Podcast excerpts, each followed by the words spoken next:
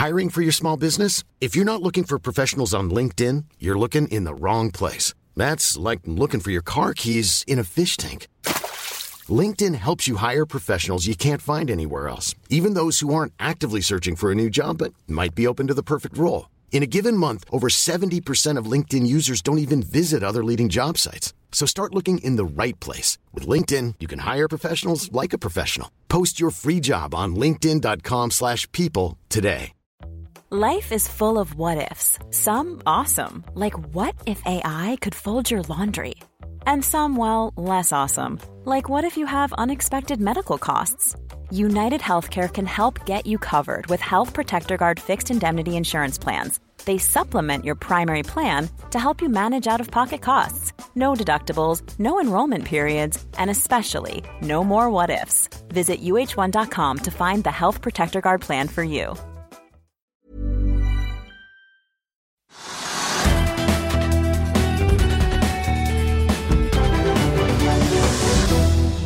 Hei og velkommen til Økonominyhetene. I dag har vi pratet med R8, som har levert tall for tredje kvartal. Du får en teknisk analyse av Saptek, og vi skal også høre litt om helgens motormagasin.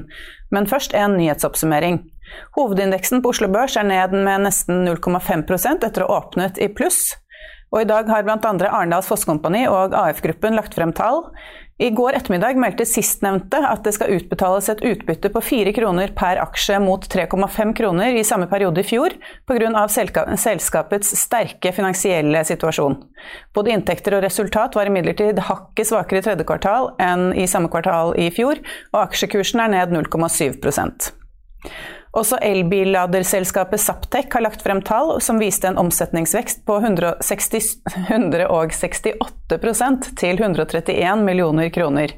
Resultatet før skatt endte imidlertid på minus 11 millioner. Likevel stiger kursen, og selskapet er opp 7,3% Oljeprisen er på sin side ned med ca. 1,3% og ett fat brentspotolje koster nå like under 81,5 dollar fatet.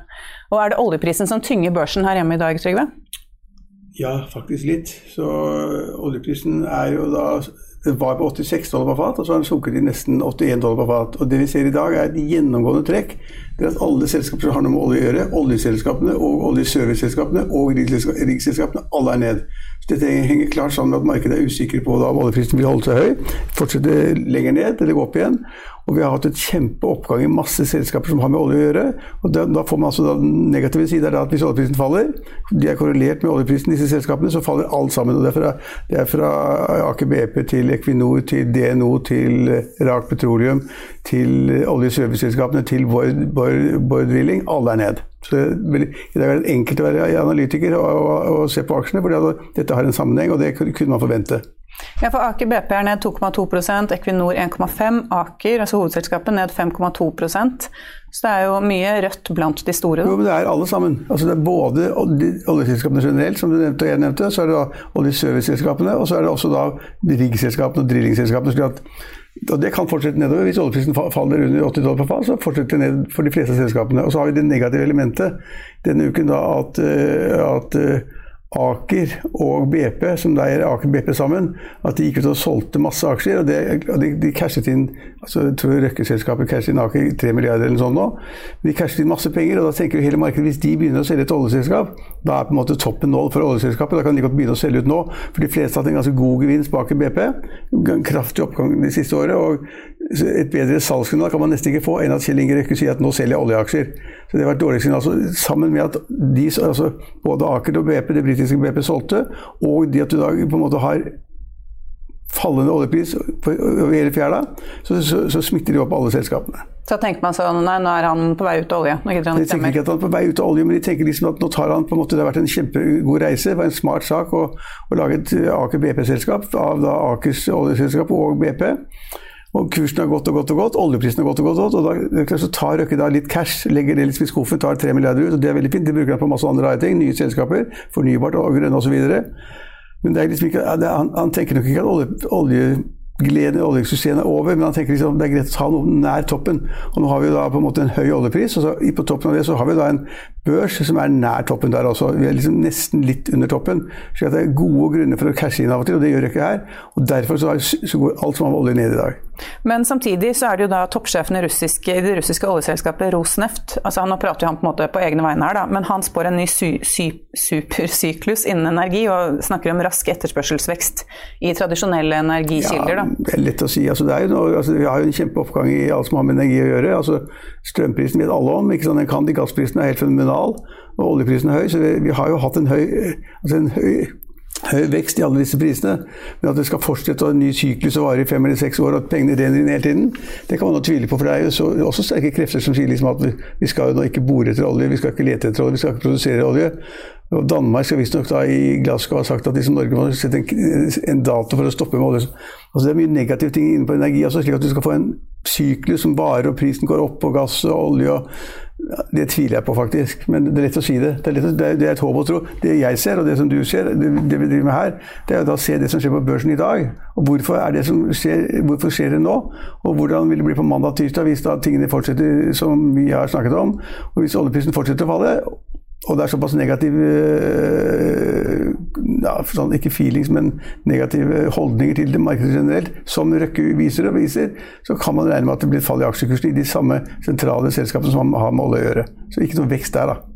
Men apropos dette med strømprisene. Eh, jeg vet ikke om du har sett det, men eh, Arendals Foss la frem eh, tall i dag, og de utbetaler i dag i likhet med AF-gruppen også et utbytte, så det er tydeligvis det i tiden, men det kan vi snakke om senere. Ja. Men, eh, men, han sa at alle som ikke liker høye oljepriser, bør kjøpe aksjer i Arendals Fosskompani. Hva syns du om det? Alle som ikke liker oljeaksjer? Høy, nei, alle som ikke liker høye strømpriser. Ja, ja, ja, det kan Burde kjøpe aksjer i Arendals Fosskompani sin uh... De får de tjener penger på strømmen ja. der. Ja, det, det Burde man det? Nei, det vet jeg ikke. det. Så, altså Strømprisene kan jo gå like raskt ned igjen. altså Det var jo kjempehøy i Nord-Norge, og så var det da lave i Nord-Norge, og så var det kjempehøye i Sør-Norge. Eh, og det skal egentlig til, altså Plutselig så blir det mer vindkraft produsert i Nord-Sverige og i Nord-Norge. Så er liksom da balansen der med en gang. og Det er, altså helt umulig. Det vi vet, er at de fleste i Sør-Norge vil betale langt mer i år enn de gjorde i fjor på samme tid. Og det vil vare en stund. Men altså, så plutselig så er det da masse vindkraft i Tyskland, masse vindkraft i England og så masse vindkraft i Sverige. Og så har man da på en måte, selv om det er elendige kabeltilknytninger, altså overføringskabler fra Nord-Norge til Sør-Norge, og fra Nord-Sverige til Nord-Norge også, men hvis man får litt orden på det, alt går litt bedre, sånn, så synker da strømprisen som en sten. Og vi må ikke glemme at det er omtrent et år siden så var da strømprisen negativ. Du fikk penger for å kjøpe strøm. Så jeg er ikke så keen på å si det at strømprisen vil være høy evig. Det tror jeg ikke noe på. Men frem til det da, så burde man dusje midt på natten? hvis ja, man ja, bor i... Ja, det er mye billigere å dusje om natten. Og mye, mye billigere å sette i gang vaskemaskinen også. Du som har masse barn, vi burde bruke vaskemaskin om natten istedenfor om dagen. Jeg bruker tørketrommel om natten. det har ikke begynt å tenke Men vet du hva som hva, var taperen i dag? Uh, ja, det var uh, det er for... Salatbladselskapet? Ja, det er uh, Calera. Ja, Calera. Ned 13 Ja, og, ja. og, det er ganske interessant, for de kommer med sånne elendige tall. Altså, de skal produsere salatblader, og de hadde da en omsetning på jeg tror det var 6-7 millioner i tredje kvartal, og så tapte de 100. Ja. Hvor, hvor, er fremtiden da, liksom? Salatblad på taket, hvor skal de altså, Helt håpløst. Så det er dagens taper. Og så er det en annen interessant ting i dag. Det er det som, det som, skjer, det som skjer, med flyaksjene, altså Flyr og Norwegian og SAS da for så vidt. For der er det en utvikling som var klart forutsigbar, så alle måtte se det. Fly, de, har, de har ikke mer enn jeg tror det er tre-fire fly, fly i drift, og det går passe dårlig, og kassa tømmes stadig vekk.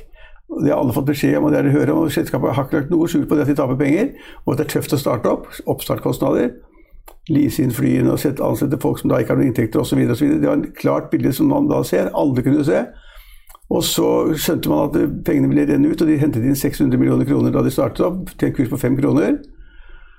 Så ser man da liksom at dette går treigt, og, og, liksom det, går mot underskudd. Og så gikk de ut, og da, og da lå, så gikk de ut på et tidspunkt da, hvor de gikk ut og sa det at vi trenger mer penger, vi skal ha en emisjon. Vi skal aldri si det uten at emisjonen er klar, at du har skaffet garantister, vet du, du skal eh, ha en rettet emisjon mot, så pengene ligger klar. Så de sa at vi kommer til å trenge mer penger, og vi skal ha en emisjon. Da var kursen 3 kroner og 38 øre.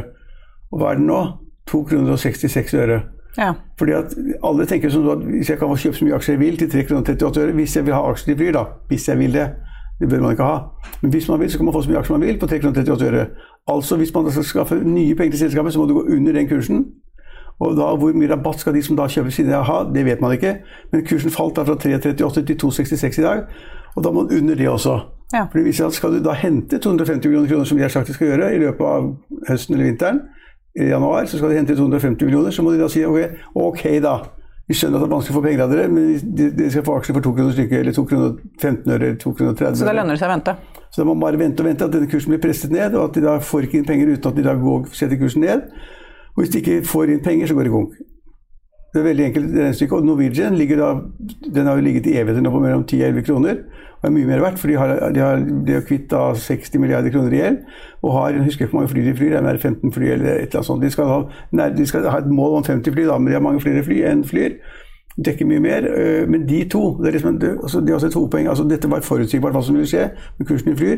Fordi de var så klønete eller dumme eller usmarte at de da lanserte at de måtte hente penger til en emisjon uten å ha den klar. Det verste de kunne gjøre. Uh, ja, så, og så er det også det hovedpoenget som da på en måte gjelder alltid, men det gjelder også nå. da. Fordi at man skal ha fly på banen, og for å få fly på banen og få fylt flyet, så må de gjøre én ting. Hva da? Senke, senker prisene. Senke prisene. Så det er en vanvittig konkurranse der ute mellom Norwegian og Flyr. Det er liksom 200 kroner hit og 500 kroner dit osv. Så og så er Norwegian litt frekkere når man har skoleferier og den type ting. Hvor det er flere som skal fly til NIS eller Malaga, Malaga eller hvor det er.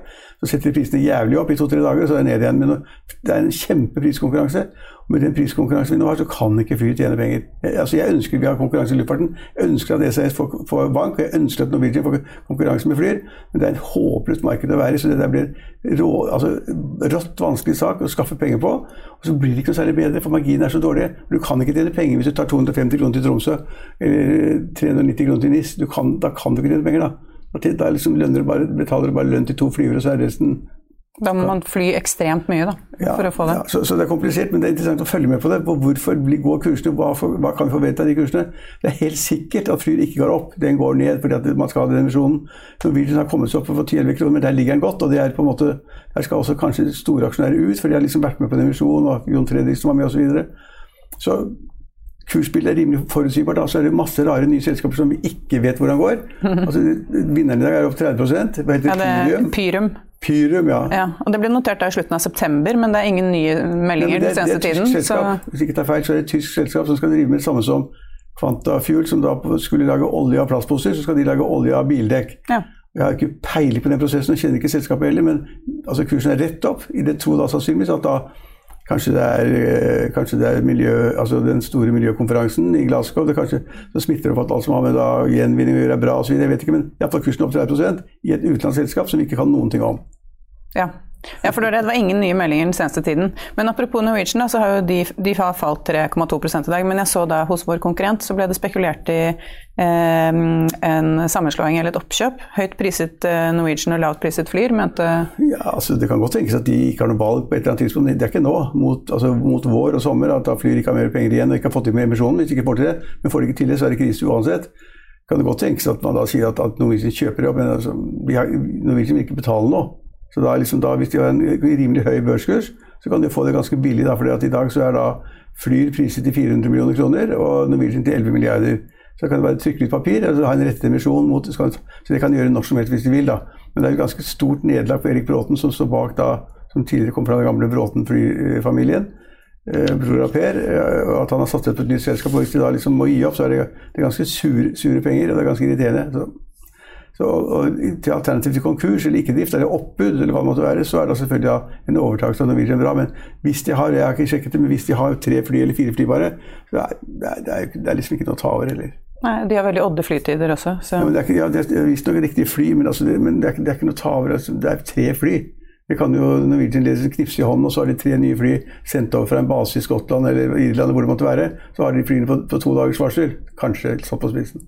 Men et av de andre selskapene som eh, Jeg vet ikke om det er Altså det stiger i dag, da, som er opp ca. 3,3% Det er jo da Sats som la frem gode tall i går. Eh, Og steg 8,5 i går. Og der er det jo kjempemange meglerhus som mener at det kommer til å stige kjempebra. Eller masse. Altså Sats? eh, Nei, Sats. Sats, ja. Ja. Ja, ja, Sats, ja. Ja, Sats. Ja, de, har, Eh, de har jo på en måte holdt seg, klart- klart å holde seg gjennom pandemien også, fordi at det var stengt en periode. men Plutselig skulle alle, alle trene, og så trene. Og så er sier de at de har fått masse nye medlemmer. ja, de har fått uh, tydeligvis da 16 000 nye medlemmer Ja. i oktober, og det er ikke måte på. Ja. Men uh, hva tror vi om Sats? Nei, jeg kan ikke noe om det. Jeg, jeg ser at hele tiden alltid, De snakker jo alltid om det at vi har flere og flere medlemmer. og De bruker anleggene så og så mye, og bla, bla, bla. Og at de nå sier at de skal da utvide med masse nye steder, har jeg ikke peiling på. Jeg trodde det var nok av det, men du kan ikke gå i byen hvis du ser sånn et treningsstudio. Nei. Jeg vet det. men vi har, vi har en morsom aksje for å avslutte med det i dag. altså SAS kan jeg ikke noe om, men vi har, vi har en morsom aksje hvis vi, hvis vi går utenfor Norges grenser. Hvis man går til New York, så kom det et nytt uh, el, elbilselskap. Og det selskapet het noe som Navi, Navion eller Navimar eller i den duren der. Da, jeg, jeg, det er jo helt nytt. Det kom, for, det kom på børs for to dager siden. Som da ikke lager elbil i konkurranse med Tesla og alle de andre det gjelder Mercedes eller hva det måtte være. De skal lage sånne truck, sånne pickup-truck som er så populære i Amerika. Alle liker jeg godt. Sånne bønder, ja, bønder har sånne små biler med et lasteplan, og så må de kjøre rundt med i Irak og, Irak og Iran og i Afghanistan og steder hvor liksom da, sånne militære bruker sånne pickups som da er sånn, nærmest sånn, sånn, hva skal vi kalle det, angrepsbiler eller De kjører iallfall rundt, men alle har sett på TV alltid.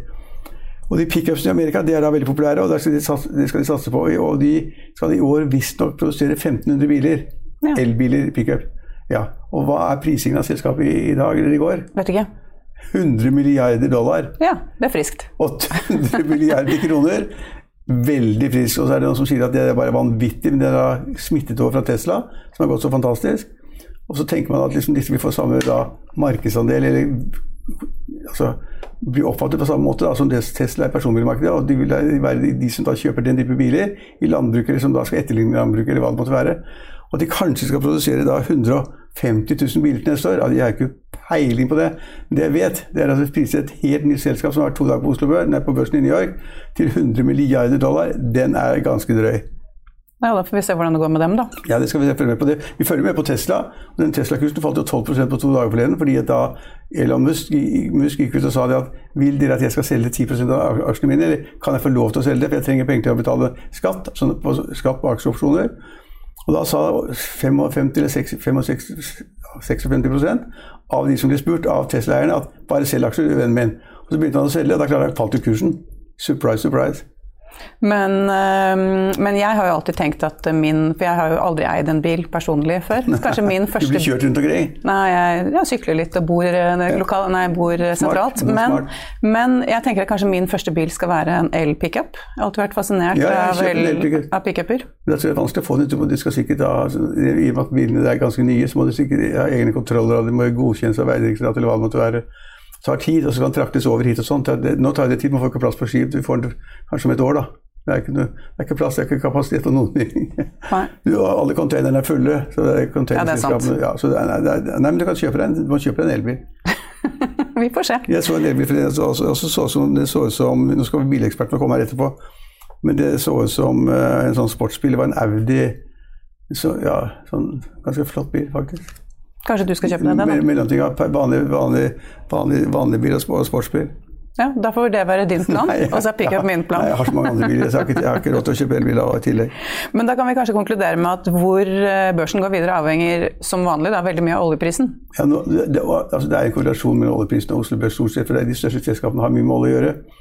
Det er generelt utsagn, men akkurat nå ser det ut som da markedet reagerer alle likt. At dette ser litt skummelt ut. Vi går ut av liksom, oljeservice, vi går ut av rene oljeselskaper, og vi går ut av også drillselskaper. Så skal den trenden snus nå, så må da oljeprisen snu opp igjen neste uke. Da får vi se. Vente med spenning. Eller vente i spenning.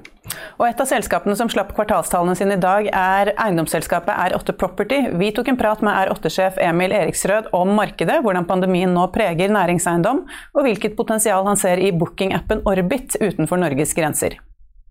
Emil Eriksrød i R8 Property, takk skal du ha for at du er eh, med oss. Du, Inntektene dine i eh, tredje kvartal var jo relativt stabile, litt ned fra, fra drøye 35 til eh, nesten 33 millioner kroner.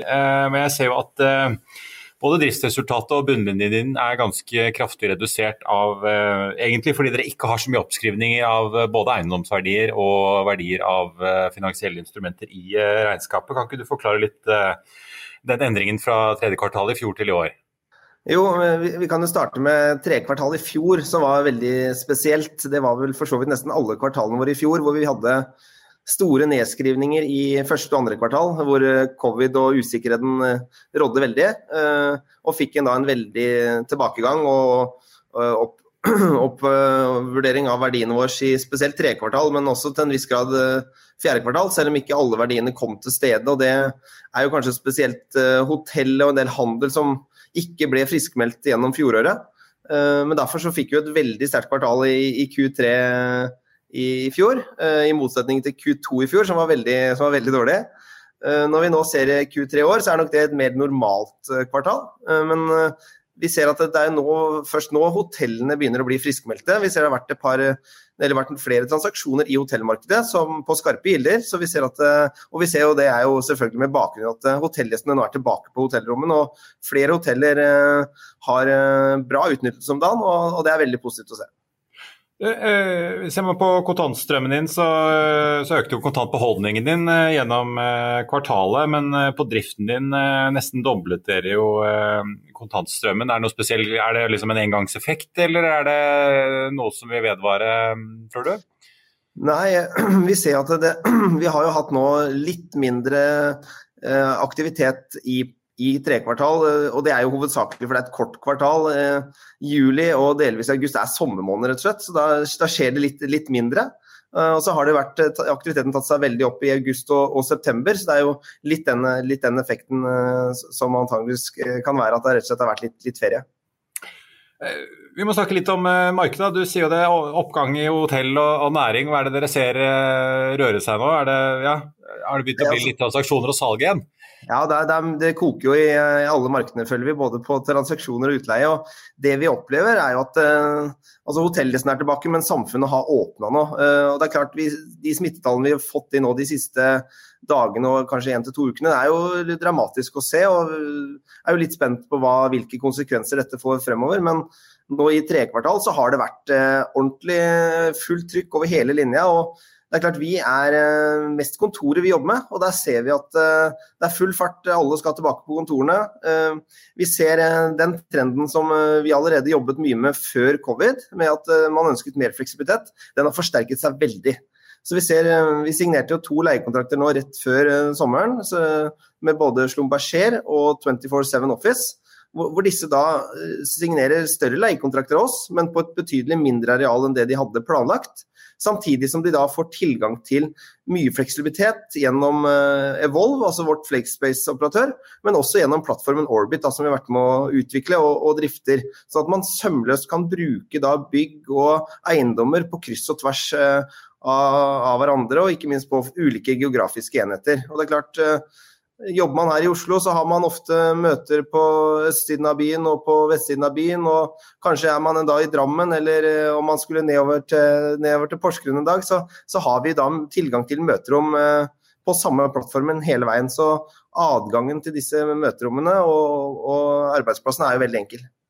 Men det, altså øker det ombyggingsbehovet, da? Si uh, Slumberg C f.eks., bare som et eksempel, ikke skal ha et så stort fast kontor uh, lenger, men, men, de og andre leietagere vil da gjerne på kryss og tvers ha tilgang til møterom. Betyr det at dere må må bygge om flere av lokalene for å gjøre det mulig at folk kan slippe inn med en SMS-kode eller hva det skulle være?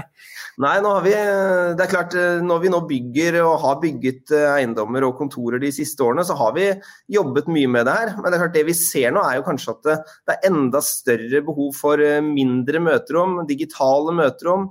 Eh, det er, det er, fortsatt en, en, god del som opplever denne fleksibiliteten og, og, tar den til seg. Så det er klart Noen sitter litt mer hjemme og jobber, noen jobber Eh, kanskje på et kontor og har digitale møter med andre kontorer, og da trenger vi mer møterom til å, og digitale møterom, da, så hvor vi kan ha alle disse digitale møtene.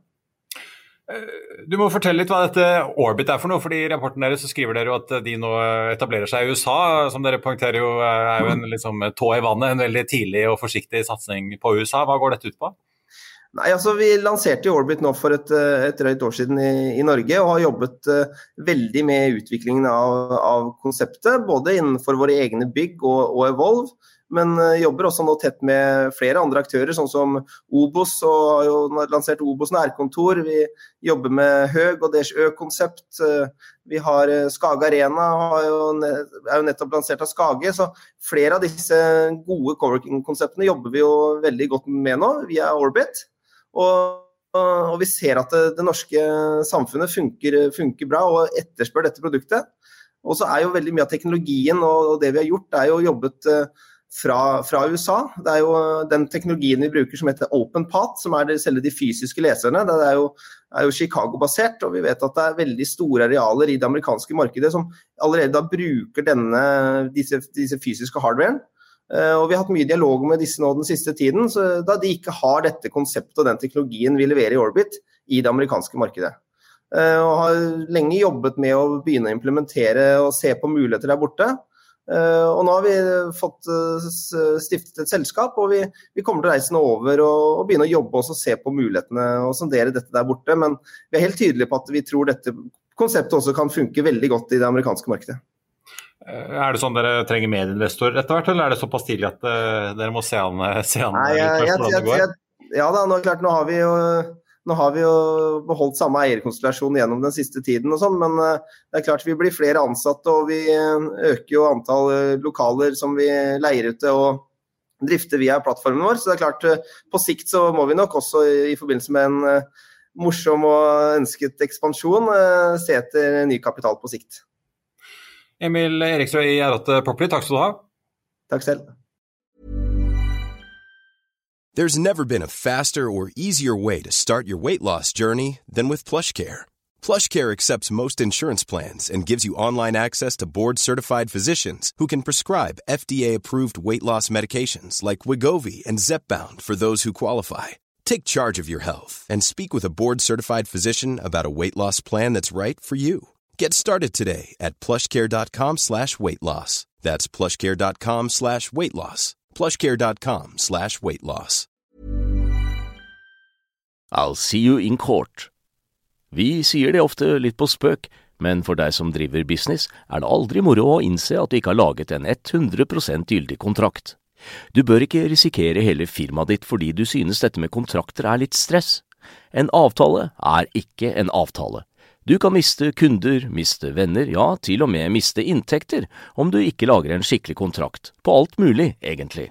Men vi vet det er et styr, kopimaskiner, tregprinter og haugevis av papir.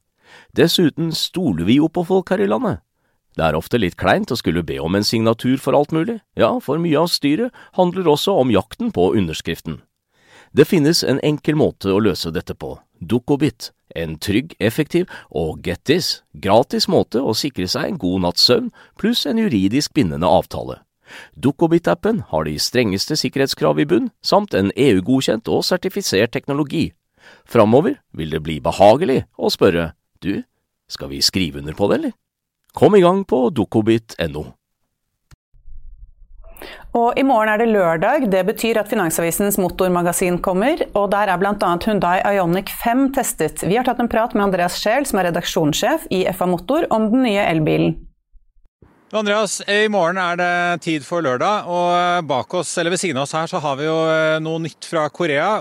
Folk husker kanskje liksom Sonata fra 90-tallet. De har sett mye enkle elbiler som jo har vært veldig populære tidligere. Men nå virker det som de slår litt på stortrommen her. Ja da, Nå har Hundai eh, kommet med den nye Ioniq 5. og Dette er jo en bil som går rett inn i det segmentet som alle nordmenn skal ha. Hvor nå Tesla Model Y, Volkswagen ID4, Volvo XC40 og flere kommer også. Så dette er et segment som mange vil være i, og nå er også Hyundai kommet der. Skal vi gå litt bakover, fordi vi må nesten se liksom på, på silhuetten her. Det er jo litt sånn eh, Hvis du ser den fra avstand, så tenker du egentlig at dette er liksom litt golf. Men når du kommer tett innpå, så er den jo mye større enn det. Ja, den er betydelig større. Det er jo mye mer da enn ID4, den nye store bilen til eh, Volkswagen. Men eh, i motsetning til mange av de andre som kanskje er litt sånn moderne såpestykker, så ser jo dette ut som et romskip på mange måter. Den har en sånn helt særegen linje på siden. Foran er den jo flat med smale lykter. Bak er det også masse mønster og lys som gjør at dette ser veldig spesielt ut. Men jeg tenkte sånn at Hvis den plutselig hadde lettet og tatt av, så hadde du kanskje ikke blitt overrasket. Like før vingene bare stikker ut elektrisk fra undersiden der? Ja, Det trenger man kanskje ikke i fremtiden, men uh, den ser iallfall veldig moderne ut. og Om du liker den eller ikke, det er smak og behag, men du snur deg når du ser denne bilen her, for den, ser jo unektelig tøff ut. Og Så er det jo et veldig avansert uh, strømsystem inni her. De klinker til uh, med like mye volt som Porsche. Ja, det gjør de, og det jo, betyr jo at denne bilen har opptil 200 kW ladekapasitet. Så du skal kunne lade denne bilen eh, fra 10 til 80% på godt under en halvtime. Så Nå fikk ikke jeg opp ladeluken, men du får den kanskje opp? Ja, det hjelper å trykke på nøkkelen, så kommer den opp. Og her har man da til vanlig ladning, og selvfølgelig da hurtiglading med inntil 200 kW. Og denne bilen er jo den moderne typen som da også kan ta strømmen ut igjen. Som du kan visst koble på noen griller og andre ting. Og i fremtiden skal man jo kunne koble bilen på huset og kjøpe billig strøm om natten og bruke den når den er dyr om kvelden. Så det ligger mye elbiler og bruksområder i fremtiden. Den ultimate campingkompanjongen, altså? Det kan det være hvis du har med grillen, ja. ja, nå fyrer det opp her. Det er litt fancy animasjoner og og masse lyder. Masse lyder har de også når de skrur på bilen her. Så det er eh, en rekke sånne varsellyder og ting. Den har jo også en rekke sånne kjøresystemer som eh, av og til kan være nesten litt aggressive. Hvis du kommer borti en eh, heltrukken linje, så nykker den litt brått i rattet noen ganger. Men den skal jo passe på deg, så trygt er det sikkert. Det minner jo litt om det vi ser fra Volkswagen. Litt sånn lyse, hvite på en måte plastestein og veldig mye plass på gulvet, da. Ikke noe midtkonsoll, da. Nei, og denne midtkonsollen her kan du i tillegg da også skyve bakover, sånn at du får enda mer romslig plass. Litt trangere bak da, selvfølgelig, men i baksetene kan også skyves frem og tilbake. Så her har du god plass og fleksibel plass. Så, og disse skjermene som du nevnte, som er da hvite, de kan du også ha i mørkt hvis du vil. Så det er en rekke muligheter for å stille inn eh, alt mulig, og det er utrolig mange funksjoner her. Alt er ikke like intuitiv første gangen, men det er som med Alt som er nytt, er litt uvant. Det blir bra etter hvert. Her har man eh, veldig mye utstyr, og den har varme kjøling i setene. og Disse setene er også elektrisk justerbare, men de har i tillegg den funksjonen at når du skal lade bilen, så sitter du ofte, hvis du ikke går inn på McDonald's eller butikken mens du lader, så har den en egen eh, funksjon her som gjør at du kan eh, legge ned setet i en såkalt eh, ladestilling.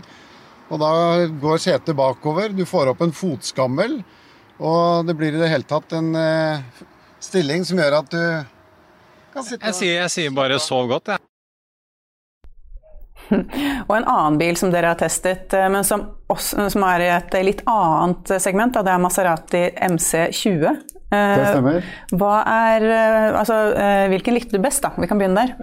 Det er vel ikke å legge skjul på at Maserati MC20 er en bil som jeg liker bedre. Og mange vil nok sikkert gjøre det, men det er klart en pris som er åttegangen eller tigangen, så får man gjerne litt mer av det, noe av det morsomme vi bilentusiaster vil ha. Men uh, Ioniquen er jo en praktisk bil som uh, til 450 000 kroner løser mange oppgaver. Denne løser veldig mye færre oppgaver.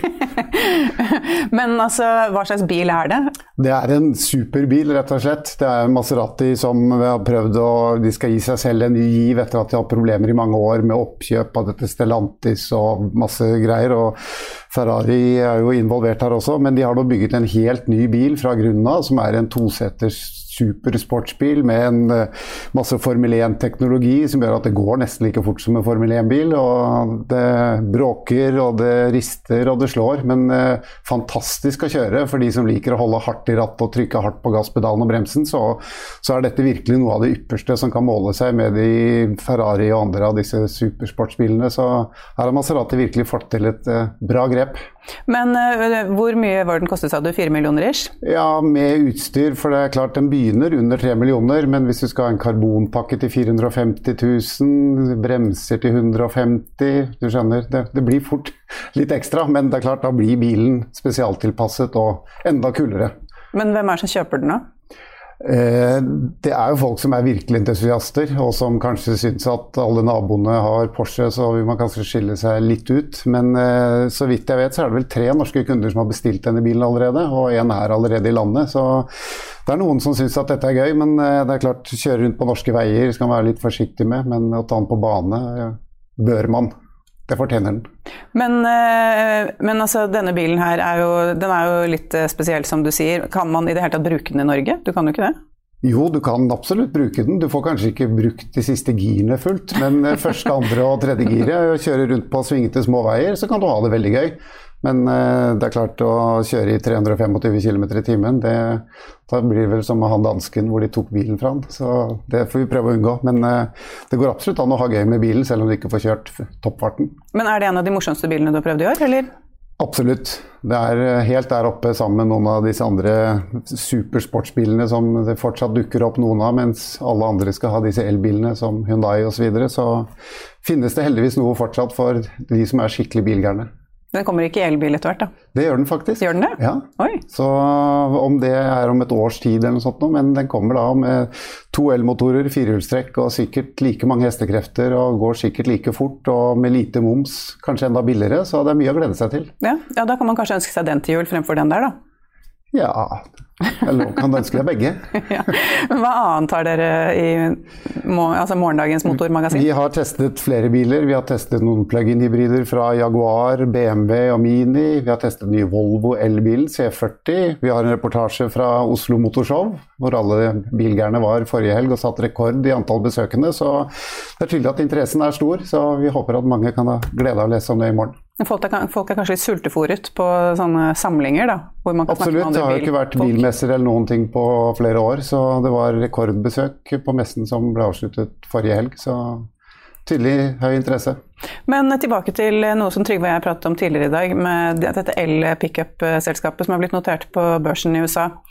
Eh, når får vi el-pickup til Norge? Jeg spør for, for, en venn? Eh, akkurat. Eh, nei, det er vel usikkert. Det er klart, Prisingen tilsier at den burde jo vært her alt, men det er Tesla har jo også en sånn pickup-truck som de snakker om. og Om og når de kommer til Norge og Europa i det hele tatt, er vel veldig usikkert. og Om disse 1500 bilene blir laget i 2022 eller 2023, vet jeg ikke. Så, men uh, hvis du følger med her, så kan du sikkert holde deg oppdatert.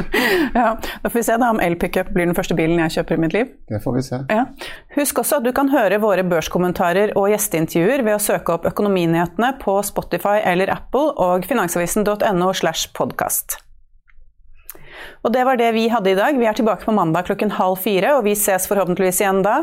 Ha en strålende helg.